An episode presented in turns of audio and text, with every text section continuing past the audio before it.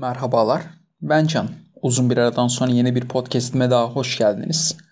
Bu bölümde normalde yaptığım podcast tarzının dışarısına çıkıp film ya da dizi yorumlamaktan ziyade bir filmin direkt hikayesini size anlatacağım. Bugün hikayesini anlatacağım film ise Oldboy. Film Odessu'nun bir gökdelenin tepesinde intihar etmek üzere olan bir adamı kravatından tutmasıyla başlar.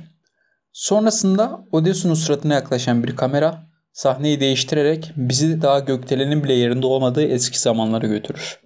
Odessu alkollü bir şekilde karakoldayken sırtında doğum günü için kızına hediye aldığı kanatlarla dans etmektedir. Bir süre sonra kadraja giren arkadaşı Odessu'nun bir daha taşkınlık yapmayacağını söyleyerek onu karakoldan çıkarır ve Odessu'nun karısını arayarak iyi olduklarının haberini verir. Yağmurlu bu doğum günü gecesinde arkadaşından ayrılarak telefon kulübesinin dışına çıkan Odessu kendisini kaçırmış olarak bir hapishanenin içerisinde bulur. Gardiyanlara neden burada olduğunu ve kaç yıl kalacağını sorsa da cevap alamaz. Bunun üzerine hiddetlenerek aldığı tabağı hapishane duvarına fırlatarak paramparça ederken bir seyircilere der ki 15 yıl kalacağımı söyleserdi dayanmak daha mı kolay olurdu yoksa daha mı zor? Kendisine uyması için belli saatlerde duvara açılan deliklerden Rusların Çeçen teröristlere karşı kullandığı valyum gazı verilir. Bu bilgiyi ana kahramanımız hapisten çıkmasının sonrasında öğrenmiştir. Uyandığında saçlarını kesilmiş ve odasını temizlenmiş bulur. Kendisi yeni saç kesimini beğenmemiş olsa da zamanla alışır. İçerisinde bulunduğu hücre, yatak, televizyon, duş ve tuvaletten oluşmaktadır. Yine bir gün hücresinde televizyonu izlerken kendisinin karısının katil olarak suçlandığını görür. Bu esnada damarından ve ağzından çıkan karınca halüsinasyonları beynini meşgul eder. Odasında sürekli televizyon izlerken aynı zamanda kötülük ettiği insanların isimlerini bir bir defterlere yazmaktadır. İsminin anlamı olan insanlarla iyi geçinen tanımına karşın Odessu'nun kötülük ettiği insan sayısı o kadar çoktur ki bu isimler epey uzar ve birkaç defteri kaplar. Kendisi televizyonu ev, okul, kilise, arkadaş ve sevgili olarak tanımlar. Bununla beraber her yıl için vücuduna bir çizgi çeker ve hapishanedeki 6 yılın ardından duvarda delik açmaya başlar. Televizyonda akan zaman bize Kore seçimi ikiz kuleler gibi olaylar üzerinden hissettirilmektedir. Bir ara tekrar kendisine valyum gazı verilir. İçeriye giren bir hipnoz kendisini uçsuz bucaksız bayırda göreceğini ve bir süre sonra uyanacağını söyler. Uyandığında ise bizi filmin en başındaki sahneye gökdelenin çatısına atar. Karşısındaki adam ise sonrasında Odessu'nun da yaralanacağı bir cümle olan bir hayvandan daha aşağılık olsam da benim de yaşamaya hakkım yok mu? şeklinde söylemde bulunur. İntihar etmeyi düşünen karşısındaki adamı kurtarır. Bunun nedeni adamın canını düşünmesinden değil, sadece kendi hikayesini anlatmak istemesinden öte gelmektedir. Hikayesini anlattıktan sonra Odessu çatıdan iner. Bu esnada çatıdaki adamın zemine çakıldığını görürüz. Yolda yürürken Odessu filmin en akılda kalıcı repliklerinden birisini ağzından çıkarır. Gülün ki dünya sizinle gülsün. Ağlayın ama yalnız ağlayın. Yürürken bir alt geçidin altındaki gençlere denk gelen kahramanımız onlarla kavga etmek için olay çıkarır. 15 yıl boyunca hayali bir eğitim almış olmak işe yarayabilir mi? Dövüş konusunda yarar. Odessu bu gençleri sırayla döver. Yoldaki bir balık restoranının vitrinindeki balıkları incelerken rastgele bir adam yanına gelip kendisine para ve telefon verir. Bunların ardından Odessu vitrinini incelediği restorana girerek canlı ahtapot söyler ve karşısındaki televizyondan tanıdığı aşçıyı görür. Bu aşçının ismi Mido'dur. Mido ile sohbet ederken kendisine telefon gelir ve açtığında kendisini hapseden insanla konuşur. Bu adam kendisine neden hapse girdiğini bulmasını ve aklından şu sözü çıkarmamasını ister. İster kum tanesi olsun, ister kaya. İkisi de aynı şekilde batar suya. Konuşma bittiğinde sipariş verdiği çiğ ahtapotu yiyerek bayılan Odessu, gözünü Mido'nun evinde açar. Mido tuvalete gireceğini ve aklından kötü bir şey geçirmemesini istese de Odessu tuvalete girer ve başarısız bir girişim olur. 15 yıllık hayali eğitim bu konuda başarılı olamamıştır. Mido Odessu'ya karıncaların sürekli gruplar halinde dolaştığını ve bu sebeple kendisi görmesi de yalnız insanların çokça karınca gördüğünü söyler. Ardından metroda Mido'nun bir karınca ile bakıştığı sahne gelir. Ve Mido'nun bu konuda yalan söylediğini anlarız.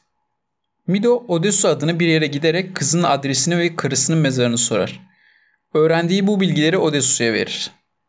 Bunun ardından sürekli yediği mavi ejderin tadına bütün restorana da bakarak hapishanede kendisine bu yemeğin nereden getirildiğini öğrenmeye çalışır. Odessu Mido'dan ayrılır ve Mido isminin anlamı olan güven kelimesine rağmen kendisine güvenemeyeceğini söyler. İsmi Odesu olan ve onlarca kişiyle arası kötü olan bu karakter için bu durum hiç de garip değildir. Doğru restoranı bularak dağıtıma çıkan kuryeyi takip eder ve girdiği hapishaneye ilerler. Kendisi neden hapsedildiğini özel hapishanenin müdürüne sorar. Müdür ise bu bilgilerin son derece gizli olduğunu ve bunu kendisini söyleyemeyeceğini ifade eder. Bunun ardından Odesu müdüre işkence ederek hapiste yattığı her yıl için bir olmak üzere müdürün toplamda 15 dişini çeker. Bunun ardından hapishaneden dışarı çıkmak isterken karşısında birkaç düzine insanla karşılaşır ve onlarla kavgaya girişir. Yer yer dövülen Odesu çoğunlukla yumruklarıyla karşısındaki insanları döver. Bir süre sonra sırtından bıçaklansa da dışarı çıkmayı başaran Odesu yere düşerek bayılır. Gözünü açtığında tekrar kendisini Mido'nun evinde bulur. Ertesi günü internet kafeci lise arkadaşının yanına gider.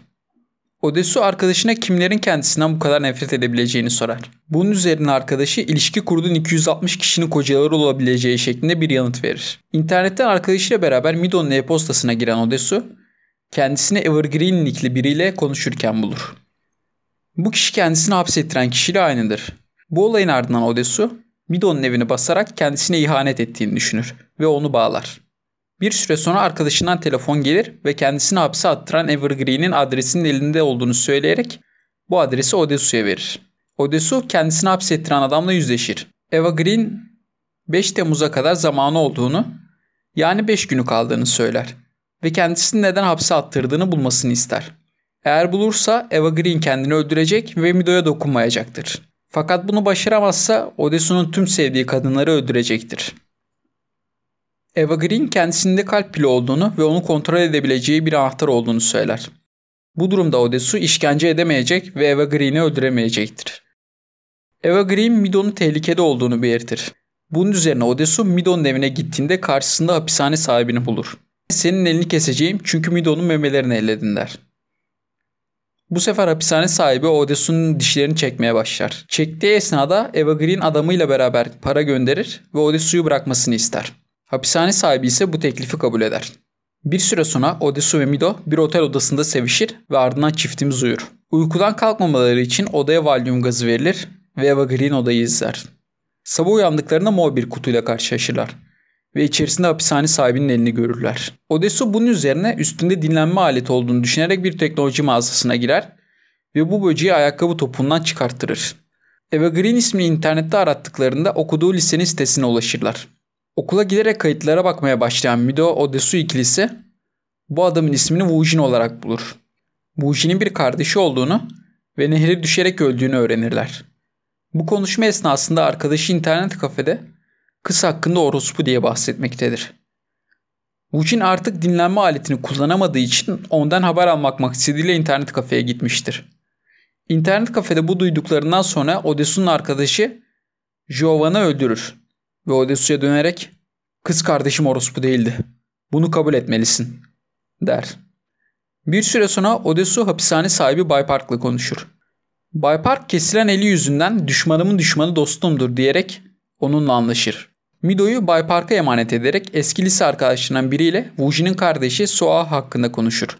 Soah'ın o zamanlar biriyle sevgili olduğunu söyleyerek başka bir lise arkadaşını arar ve sevgilisinin ismini sorar.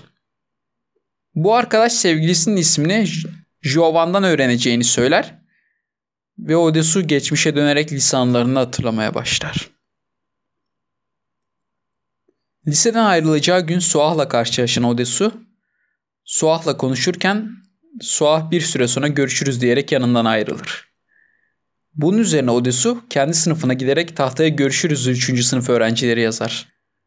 Bir anda sınıfından dışarı bakınca Wujin'i görür ve onu takip etmeye başlar.